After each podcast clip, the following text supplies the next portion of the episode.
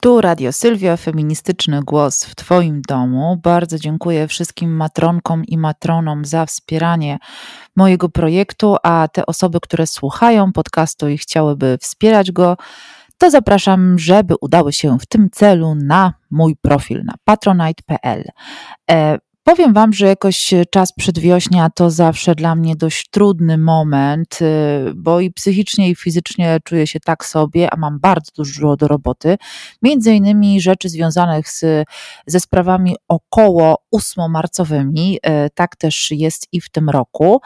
E, I jakoś tak się zupełnie zamotałam, zapomniałam, że przecież miałam nagrać nowy odcinek Radia Sylwia. Na szczęście przypomnieli mi o tym hejterzy, którzy zrobili nalot na e, moje konto na YouTubie przy jednym z odcinków i to, żeby było ciekawie, dotyczącym książki Niewidzialne Kobiety. E, no i tam sobie trochę poharcowali. Ja zresztą w większości zostawiłam te komentarze, bo pomyślałam, że to jednak jest ciekawe, kiedy można sobie podyskutować, nawet jeżeli są to hejterzy mówiący coś na temat mojego dużego nosa, co jak wiemy jest jakby głównym merytorycznym argumentem w każdej dyskusji. No i tak sobie właśnie w związku z tym pomyślałam i przypomniałam zarazem, że przecież e, miałam do Was mówić, a mówiłam na temat tego, o czym chcę porozmawiać z Wami dzisiaj na bardzo ciekawej e, konferencji Poetyka Protestu zorganizowanej e, przez studentów i studentki Koła Teorii Literatury w, na Wydziale Polonistyki Uniwersytetu Warszawskiego. E, miałam przyjemność wygłaszać wykład inaugurujący tę konferencję czterodniową, oczywiście online, wiadomo jak to teraz, ale dzięki temu, że przygotowywałam się do tego wykładu, to mogłam mogłam sobie przypomnieć, a zarazem zrobić coś w rodzaju takiej typologii e, radykalnego spaceru. I taki jest też temat dzisiejszego odcinka. Mój referat nazywał się Jestem wtedy, kiedy krzyczę, poetyka radykalnego spaceru, i ten radykalny spacer rzeczywiście jest tutaj głównym elementem, o którym chciałabym mówić. E, natchnęło mnie poniekąd do tego Mm, e, słowa y, Rebeki Solnic z jej książki Ze Włóczęgi e, i otwierające tę wspaniałą książkę o opowieściach wędrownych, słowa, które brzmią tak. Od czego wszystko się zaczyna? Od napięcia mięśni. Jedna noga niczym filar, na którym wspiera się wyprostowane ciało rozpięte między ziemią a niebem. Druga niczym wahadło kołyszące się od tyłu. Pięta dotyka podłoża. Cały ciężar ciała przetacza się do przodu na kulę stopy. Paluch pomaga się odepchnąć, a ściśle wyważony ciężar ciała znów się przesuwa. Nogi zmieniają pozycję. Wszystko zaczyna się od pierwszego kroku, potem czyni się następny i następny, te zaś nakładają się na siebie niczym uderzenia bębenka wybijające rytm, rytm spląpania. Jako coś najbardziej oczywistego, a zarazem najbardziej tajemniczego na świecie, kroczenie niepostrzeżenie przechodzi w religię, filozofię, krajobraz, urbanistykę, anatomię, alegorię i miłosny zawód. Ja również y, do słów Rebeki Solnit dodałabym kwestie polityczne i społeczne. E, to chodzenie e, i pierwszy krok, o którym e, pisze eseistka i feministka, można rozumieć w dwójnasób. Z jednej strony to oczywiście bardzo rozumiane wprost kroczenie naprzód, demonstrowanie, spacerowanie, zwiedzanie, a z drugiej strony ten pierwszy krok to oczywiście krok ku zmianom. Radykalny spacer byłby więc y, przechodzeniem tych kolejnych kroków y, do jakiegoś konkretnego celu, dosłownie i w przenośni. W pewnym sensie to zaprzeczenie flané, koncepcji niespiesznego przechodnia, zanurzonego w sobie i tym, co wokół. E, to w pewien sposób również nadanie celu włóczędze, przekształcenie jej do tak zwanych wyższych celów, albo przynajmniej innych niż te, które możemy w jakiś sposób zdobywać indywidualnie. Ten radykalny spacer to również nawiązanie do określenia przez władze protestujących osób na ulicach. Mariusz Błaszczyk w 2017 roku protestujących przeciwko reformie sądownictwa nazwał no właśnie spacerowiczami, a nie y, obywatelami i obywatelkami, którzy demonstrują. E, dziś chciałabym skupić się głównie na sposobach protestowania grup mniejszościowych kobiet, osób nieheteronormatywnych z niepełnosprawnością w kryzysie zdrowotnym lub bezdomności. To, co przyświeca mojej analizie, to oczywiście inkluzywność i różnorodność. Inkluzywność to teraz takie słowo, które jest dość często używane w kontekście włączania do głównego nurtu debaty wszystkich tych, którzy zwykle są w niej pomijani i pomijane, niesłyszani, niezauważani. E, ale ta inkluzywność zawsze to była dla mnie po prostu potęga różnorodności i zbieranina najróżniejszych doświadczeń, na różniejszych osób, właśnie po to, żeby w jakiś sposób pokazać e, to, że w każdym świecie i w każdej społeczności jest niebywały wachlarz różnych żyć i to dla mnie jest szczególnie cenne. Myślałam sobie w, o Polsce z patrzeniem delikatnym na to, co w innych krajach. E, zastanawiałam się jednocześnie, czym byłaby ta radykalizacja spacerów. Na pewno przekroczeniem norm kulturowych, przełamaniem pewnego rodzaju tabu. No i oczywiście przewartościowaniem. Przy czym to przewartościowanie dla mnie jest szczególnie cenne w kontekście naszych własnych myśli, naszych własnych refleksji, bo nie chodzi tylko o przewartościowanie tego, co naokoło, ale również tego, co w naszej własnej głowie. Chodzenie, spacer, zwiedzanie, patrzenie, smakowanie tego, co wokół, również y, otwiera nas na nowe doznania, daje możliwość przewartościowania, przemyślenia sobie wielu spraw. Właśnie po po to, żeby nie tylko zmienić pogląd, tak jak się to często mówi w kontekście dyskutowania, e, ale rozwijać się również intelektualnie, również emocjonalnie i również rozwijać swoją empatię. E, w najnowszej publikacji Fundacji Batorego, Język rewolucji, którą Wam zresztą serdecznie polecam, można ją sobie ściągnąć w formie PDF-a, pod redakcją Piotra Kosiewskiego, znalazłam tekst Dariusza Kosińskiego, który również bawi się literą P, ale Dariusz Kosiński proponuje prześmiewczość, performatywność i profanację. Zgodzę się z tym, to rzeczywiście e, ważne e, elementy, gdzie ten podmiot nie zgadza się z orzeczeniem, tak jak to jest w przypadku protestów e, ostatnich kilku miesięcy i strajku kobiet. Dla mnie ważne jest rozprawienie się z mitami czy stereotypami oraz przekraczanie tabu, i chciałabym opowiedzieć o kilku takich przykładach. Zacznę może od y, mitu bierności kobiet w PRL-u. Warto tutaj y, przywołać y, takie, e, mm, takie przypadki jak e, strajk włókniarek w Żerardowie, e, jak strajk w Łodzi, na przykład ten dotyczący strajku głodowego, gdzie na ulicę wyszło ponad 20 tysięcy osób. Niosło one takie hasła jak nie dzielić Polski, dzielić chleb, czy głodne dzieci to cel socjalizmu, e, albo partia Lenina cytuje, a naród głoduje oraz głodujący wszystkich krajów łączcie się oraz wiele innych.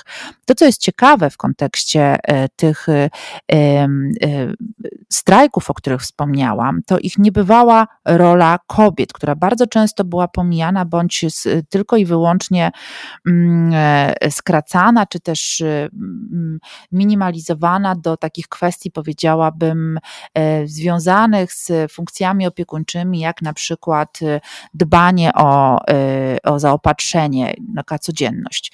Małgorzata Fidelis w książce Płeć buntu kobiety w oporze społecznym i opozycji w Polsce w latach 44-89 e, pisze o e, strajku e, w Żeradowie tak.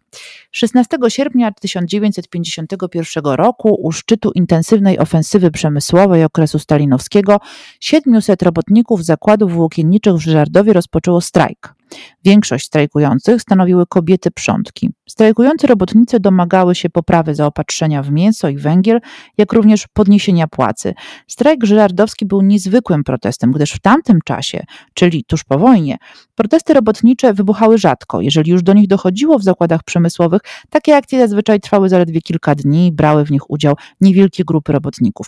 Tymczasem strajk w Żelardowie nie zakończył się po kilku godzinach, wprost przeciwnie, rozprzestrzenił się na inne oddziały fabryczne i trwał prawie bez przerwy przez następne dwa dni. Głównie uczestniczyły w nim kobiety i to one były jednymi z inicjatorek tego strajku. Zresztą większość tych haseł, których, pod którymi strajkujące zatrzymały produkcję w zakładzie, większość tego została, tych postulatów została spełniona. Mm, w książce można znaleźć inne przykłady nieposłuszeństwa kobiet w okresie PRL-u i myślę, że to jest bardzo też ciekawe, e, w jaki sposób mm, widzi się w ogóle protest y, i ten radykalny, tutaj akurat nie tyle spacer, to radykalne zatrzymanie się jako też element wspólnotowy. E, jak pisze wcześniej wspomniany przeze mnie Dariusz Kosiński, e, ten sposób rozumienia rewolucji opiera się na dwóch przesłankach. Po pierwsze, samo zgromadzenie ciał w przestrzeni publicznej ma znaczenie polityczne, niezależnie od tego, jakie hasła to zgromadzenie wznosi. Po drugie zaś, e, i to wydaje się ważniejsze, zgromadzenie przez samo swoje zaistnienie ustanawia przyszłość, o którą chce walczyć. Ustanawia, ale nie wyraża, co ważne, niezależnie od haseł związanych z podstawowym aktem niezgody na to, co już jest, protestujące ustanawiają nowy rodzaj wspólnoty, wyłaniają swoją polityczność i wyznaczają alternatywne możliwości działania. Przy okazji strajku głodowego w Łodzi w 1981 roku, e, kiedy mm, ogląda się zdjęcia z tamtych czasów, y, można zauważyć, e, że e, wiele na nich jest kobiet, matek z wózkami. I to jest też ciekawe w kontekście kolejnego obalania mitu, mitu biernej kobiety w ogóle. Myślę, że tutaj ciekawe będzie porównanie tego, co dzieje się, kiedy y, kobieta przekracza y, mm, dotychczasowe zadania, które jej wyznaczyła kultura przekracza je w przestrzeni publicznej. Warto tutaj mieć na myśli zarówno e, aresztowania demonstrantek e, przez policję i organy ścigania, ale na przykład też elementy, powiedziałabym, podejmowania strategii z obu stron. Przykładem może być tutaj Gulabi Gang, e, czyli złożona z kobiet grup samozwańczych stróżek prawa w Indiach. Została założona w 2006 roku. W tej chwili to jest około 20 tysięcy kobiet E, ubranych w różowe sari, bo gulabi znaczy właśnie różowy. Zajmują się one innymi interwencjami domowymi, e, fizyczną, bezpośrednią ochroną zagrożonych kobiet, ale również rozwiązywaniem sporów rodzinnych, no i prowadzeniem edukacji dla kobiet. Początkowo policja z nimi walczyła, nie wiedziała dokładnie, jak ma e, podchodzić do grup kobiet, właściwie no, gangów, jak sama nazwa wskazuje, gdzie e, kobiety w bardzo różnym wieku, uzbrojone w kije, latały po prostu po wioskach i e, tłukły oprawców, ale w tej chwili policja jak nie współpracuje, to przynajmniej nie przeszkadza w e, pracy Gulabi Gang, więc ten ich radykalny spacer e, po to, aby ratować inne kobiety, staje się też takim elementem, który w jakiś sposób jest tolerowany, e, chociaż wiemy, co to słowo oznacza czasem w praktyce. Jeśli już mówię o wózkach, to oczywiście warto też wspomnieć o takim przekroczeniu mitu matki Polki, jako tej, która z postromantycznej wizji rodzenia syna, aby potem ten szedł na wojnę, e, zaczyna dzielić się czymś zupełnie innym ze światem. Tutaj oczywiście mogłabym dać dużo przykładów e, e, z Fundacji Mama, której byłam współzałożycielką i prowadziłam ją przez 11 lat, między innymi naszej wózkowej masy krytycznej z 2007 roku, ale również innych protestów, jak na przykład protest w 2015 roku matek, e, które prowadziły swoją działalność gospodarczą i e, ZUS e, dawał im możliwość niższego zasiłku macierzyńskiego tylko dlatego, że, że mają swoje firmy. W strajku pustych wózków brała, brała udział wiele kobiet, które mówiły o tym, jak jak wygląda ich codzienność, jako tych, które mają dzieci, ale też które mają swoje firmy. Mm, tutaj myślę, że wiele, jeśli chodzi o taką kwestię teoretyczną, można wyczytać choćby z książki Pożegnanie z Matką Polką, co ciekawe, na końcu jest znak zapytania. Elżbiety Korolczuk, Kiernaty Chryciuk, które od lat prowadzą badania dotyczące tego, co dzieje się we współczesnym macierzyństwie i, i mówią wprost o upolitycznieniu macierzyństwa, o elemencie rodziny jako konstruktu politycznego, no ale oczywiście w dużej mierze też opierają się na kwestiach opiekuńczości. Jeżeli o opiekuńczości już mowa, to trudno nie wspomnieć protestu rodziców osób niepełnosprawnych i ich opiekunów. E, rozpoczął się on 18 e, kwietnia 2018 e, roku w, w Sejmie. Wtedy na zaproszenie posłanki nowoczesnej Jany Schering-Wielgus odpowiedziało 18 osób. To nie była zresztą pierwsza tego typu akcja. Komitet protestacyjny rodziców osób niepełnosprawnych odwiesił akcję sprzed czterech lat. Wtedy to były protesty pod Sejmem. Mm, protestujący domagali się dodatku rehabilitacyjnego w wysokości 500 zł miesięcznie, a także zrównania kwoty renty socjalnej z najniższą rentą ZUS, stopniowego podwyższania tej kwoty do równowartości minimum socjalnego. Tam było też pięć dodatkowych postulatów, między innymi takich jak dostęp do darmowych środków higienicznych. W każdym razie e, ten protest trwał przez wiele, wiele dni. E, to była e, bardzo no, ciekawa, myślę, że na odrębną w ogóle audycję, akcja, która też gromadziła osoby przed y, y, Sejmem, które solidaryzowały się z osobami, które Sejm okupują. Mm, y, powstał na ten temat bardzo ciekawy spektakl, rewolucja, której nie było, Teatru 21. Mm, a ja mówię y, o tym w kontekście radykalnego spaceru, chociaż ktoś może się zdziwić, przecież protest odbywał się w środku, w zamkniętej przestrzeni Sejmu, ale właśnie dlatego, że ten radykalny spacer nie tylko odbywał się częściowo e, na zewnątrz przez sojuszników i sojuszniczki, ale również to był moment, kiedy wprowadzono e, e, osoby z niepełnosprawnościami do przestrzeni wspólnej. W ogóle ta niewidzialność i hiperwidzialność e, zarazem, e, wspaniale opisuje ją Rosemary Garland Thompson w swoich dwóch książkach, przede wszystkim Gapienie się, czyli o tym, jak patrzymy i jak pokazujemy siebie innym. Opowiadałam już o niej e, w swoim radiu Sylwia. We wstępie do tej książki autorstwa Ewy Godlewskiej-Byliniak i Justyny Lipko-Koniecznej autorki piszą, niepełnosprawność pochwycona jest pewien paradoksalny klincz, jako że funkcjonuje albo w ramach czyniących ją niewidoczną, albo odwrotnie, hiperwidoczną.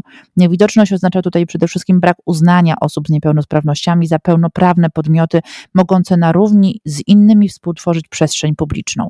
I oto, co się dzieje po tych protestach i w czasie nich.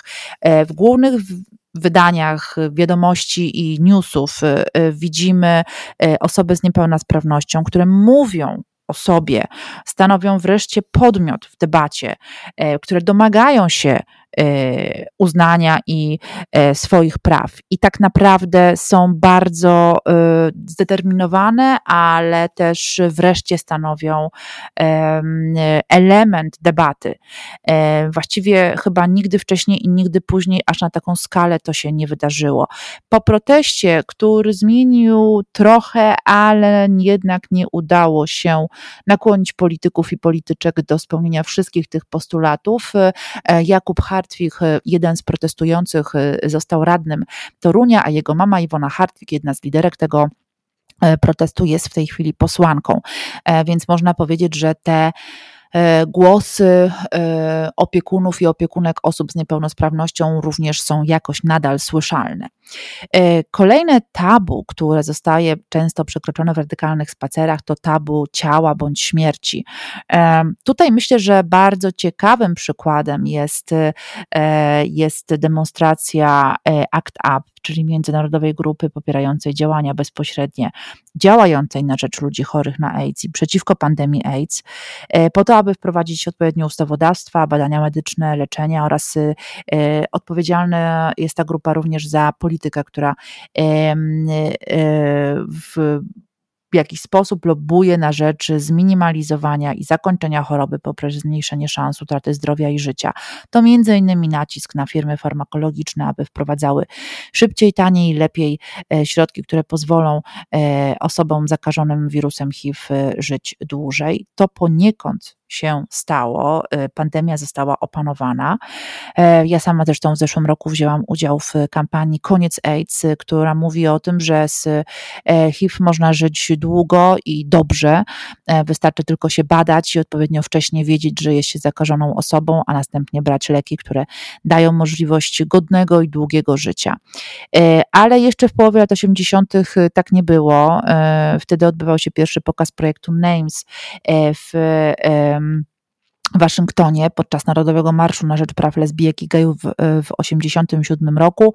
E, została złożona z prawie 2000 paneli, takich chust czy transparentów, e, e, które położono obok siebie właściwie zajmowały powierzchnię większą niż boisko do piłki nożnej. Na nich były umieszczone nazwiska osób, ofiar epidemii HIV-AIDS i osoby, które wykonały te transparenty, które zorganizowały te akcje, domagały się nie tylko pamięci o tych osobach, ale również uważały, że, że zostały one zabite przez e, złą politykę Stanów Zjednoczonych.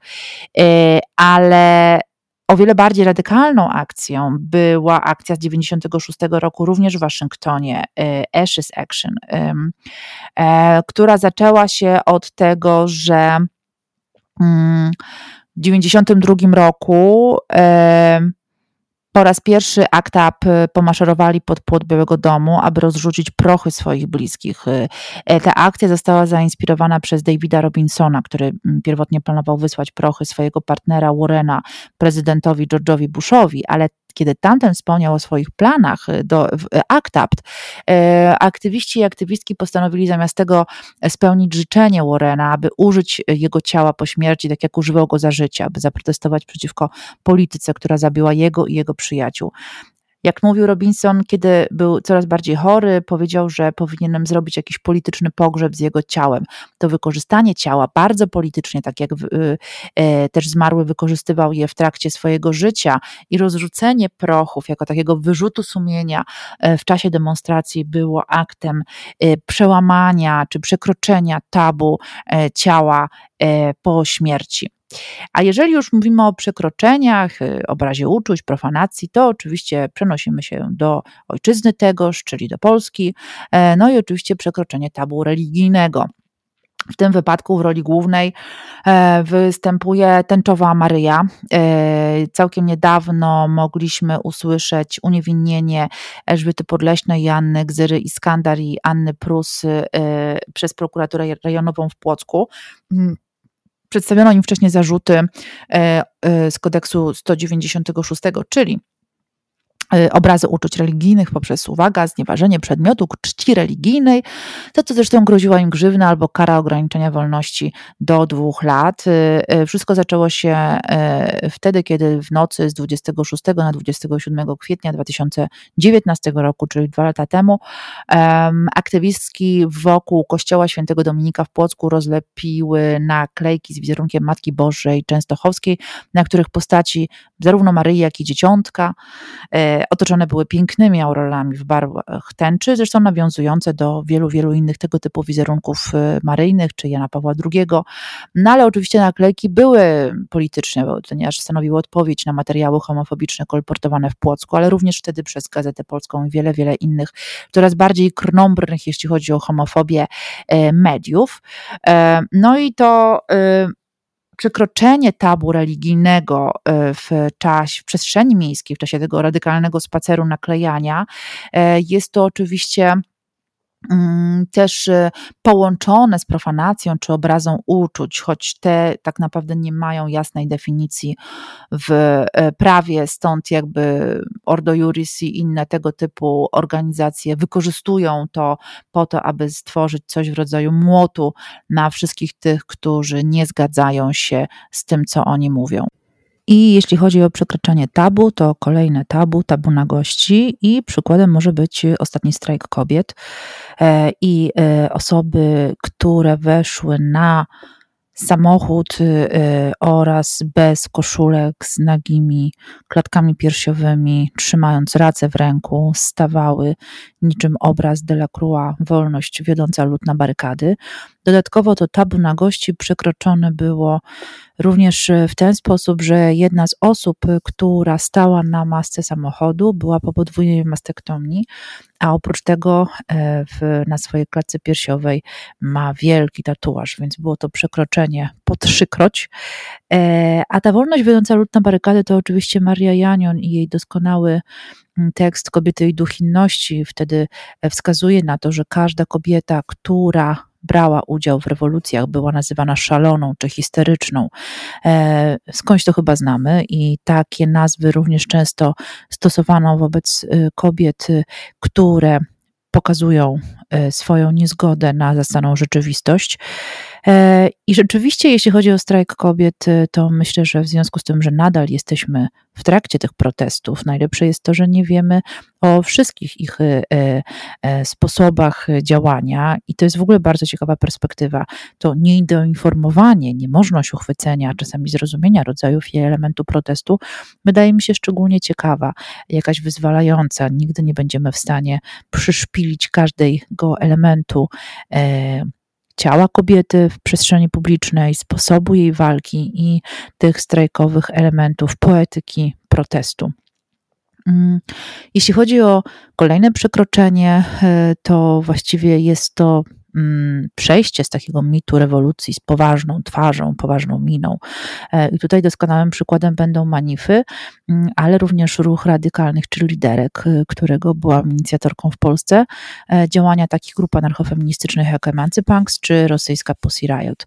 E, no tutaj oczywiście wchodzi cała na E, czarno-czerwono Emma Goldman z jej hasłem jeśli nie mogę tańczyć, to nie jest to moja rewolucja, ale wchodzi również Bachtin, jego teoria e, karnawalizacji.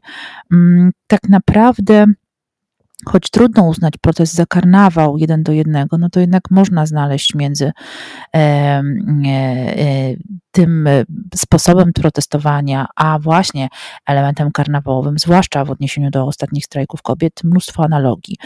E, jak pisze w swoim e, eseju Zuzanna Kowalczyk w jednym z ostatnich numerów magazynu Pismo, mm, jeżeli jego karnawało oficjalnie oblicze było zwrócone ku przeszłości, uświęcając i sankcjonując istniejący ustrój, to jego twarz ludowa, jarmarczna, spoglądała w przyszłość, śmiejąc się na pogrzebie przeszłości i teraźniejszości. Zwraca jednak uwagę, że z karnawałem i jego potencjałem wzniecanej rewolucji jest jednak jeden problem. Karnawał zawsze miał wymiar tymczasowy.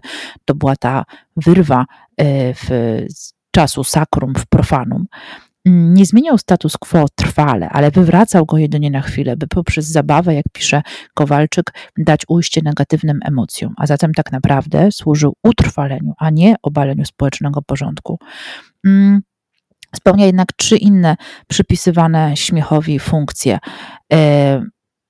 Ludyczne, rewitalizujące, katarktyczne, czyli rozładowujące. I rzeczywiście patrząc na niektóre hasła e, czy memy, które po nich się ukazały, widać, że po strajku kobiet zdecydowanie e, ta funkcja rozładowująca e, jest tutaj bardzo ważna i bardzo widoczna. Kolejnym mitem, który przekracza się w radykalnym spacerze, jest mit heteronormy. Tutaj oczywiście warto e, wspomnieć o e, zamieszkach e, i powstaniu w Stonewall w 28 czerwca 1969 roku w Nowym Jorku, w klubie, w którym spotykała się społeczność LGBT i który coraz częściej padał wówczas ofiarą represji policyjnych. Wprowadzono nawet jakiś specjalny, absurdalny prawo. Zresztą mówiłam o tym przy okazji podcastu e, właśnie do poświęconego Stonewall. Mm, między innymi wprowadzono zakazy y, e, podawania alkoholu gejom. E, mężczyzna nie mógł tańczyć z innym mężczyzną, a każda kobieta i każdy mężczyzna musiał nosić przynajmniej trzy części garderoby, które odpowiadają jego biologicznej płci. No, absurdalne. Ciekawe, że w 2016 roku prezydent Barack Obama mianował e, to miejsce zamieszek pomnikiem narodowym Stonewall. E, ale warto też powiedzieć, e, że w zamieszkach wokół Stonewall brały udział pracownice i pracownicy seksualni, osoby trans i wiele, wiele innych członków i członkiń społeczności LGBT, więc ta heteronorma łamana była powielokroć. W pewnym sensie to, co działo się wokół kolektywu Stop Bzdurom i Margot e, w 2020 roku w sierpniu w Polsce też pokazywało e, różnorodne oblicze w ogóle tematu płciowości i e, ten mit myślę, że został również w przestrzeni publicznej wielokrotnie przekroczony. I wreszcie mit neoliberalizmu, czyli e, zachowania w przestrzeni e, wspólnej e, osób w kryzysie bezdomności, na przykład wokół Dnia Ludzi Bezdomnych, który obchodzimy co roku 14 kwietnia. Mm, w Polsce zainicjował te obchody twórca Stowarzyszenia Monar i Ruchu Wychodzenia z Bezdomności Markot, czyli Marek Kotański. Święto obchodzone jest innymi przez organizowanie rozmaitych akcji pomocy ludziom w kryzysie bezdomności, akcje informacyjne, które mają zwrócić uwagę całego społeczeństwa na problemy tej grupy społecznej. E, w praktyce e, te radykalne spacery odbywają się w ten sposób, że e, w różnych centralnych miejscach miast organizowane są różnego rodzaju pikiety, happeningi, które pokazują życie osób w kryzysie bezdomności. Co ciekawe, część tych happeningów używa tektur jako takiego symbolu mini domu, domu przenośnego osób w kryzysie bezdomności, e, więc ta radykalizacja spaceru e, osoby bezdomnej jest podwójnie przekraczająca. E, gdzie spaceruje osoba w kryzysie bezdomności? Poza domem? Przecież tego domu nie ma. Jego domem czy jej domem jest właśnie ta przestrzeń uliczna. Myślę, że ten element rzeczywiście rodzi wiele, wiele różnych interpretacji. Myślę, że mogłabym tak długo wymieniać te różne sposoby radykalnego spaceru, ale dla mnie ciekawe jest też to, e, co my robimy e, z takim spacerowaniem. Oczywiście mm, to moje e, przekraczanie czy przełamywanie, a zarówno też przewartościowanie tego, co mamy w głowach, nie oznacza, że mamy zupełnie rezygnować z samej zwykłej przyjemności spacerowania i robić to po prostu po nic, po to, żeby mile spędzać czas. Zresztą część teorii psychologicznych mówi o tym, że w trakcie spaceru, szczególnie jeżeli wodzimy wzrokiem z prawa na lewo i z powrotem, na przykład opierając się, e, e, opierając wzrok o drzewa albo krzewy w parku, w alejach, e, to możemy rzeczywiście uspokajać swoje myśli i w jakiś sposób też wchodzić w głąb siebie. Mm, a zatem te różne aspekty spaceru, zresztą o których pięknie pisze mm, Rebeka Solnic, od której rozpoczęłam dzisiejszą audycję, pokazują też, że mm, ten spacer może być naszym zupełnie intymnym przeżyciem. E, pytanie tylko, czy ta intymność, osobistość nie jest również polityczna. Bardzo dziękuję. To był już 30 odcinek Radia Sylwia, a na samym końcu tradycyjnie element muzyczny. Tym razem znowu prezentuję swój zespół Zimny Maj z naszej debiutanckiej płyty Anomalia a to kawałek w dalekim mieście, który mówi o tym, że w każdej przestrzeni wspólnej są normy i spróbuj się tylko do nich nie dostosować. Dziękuję i do usłyszenia.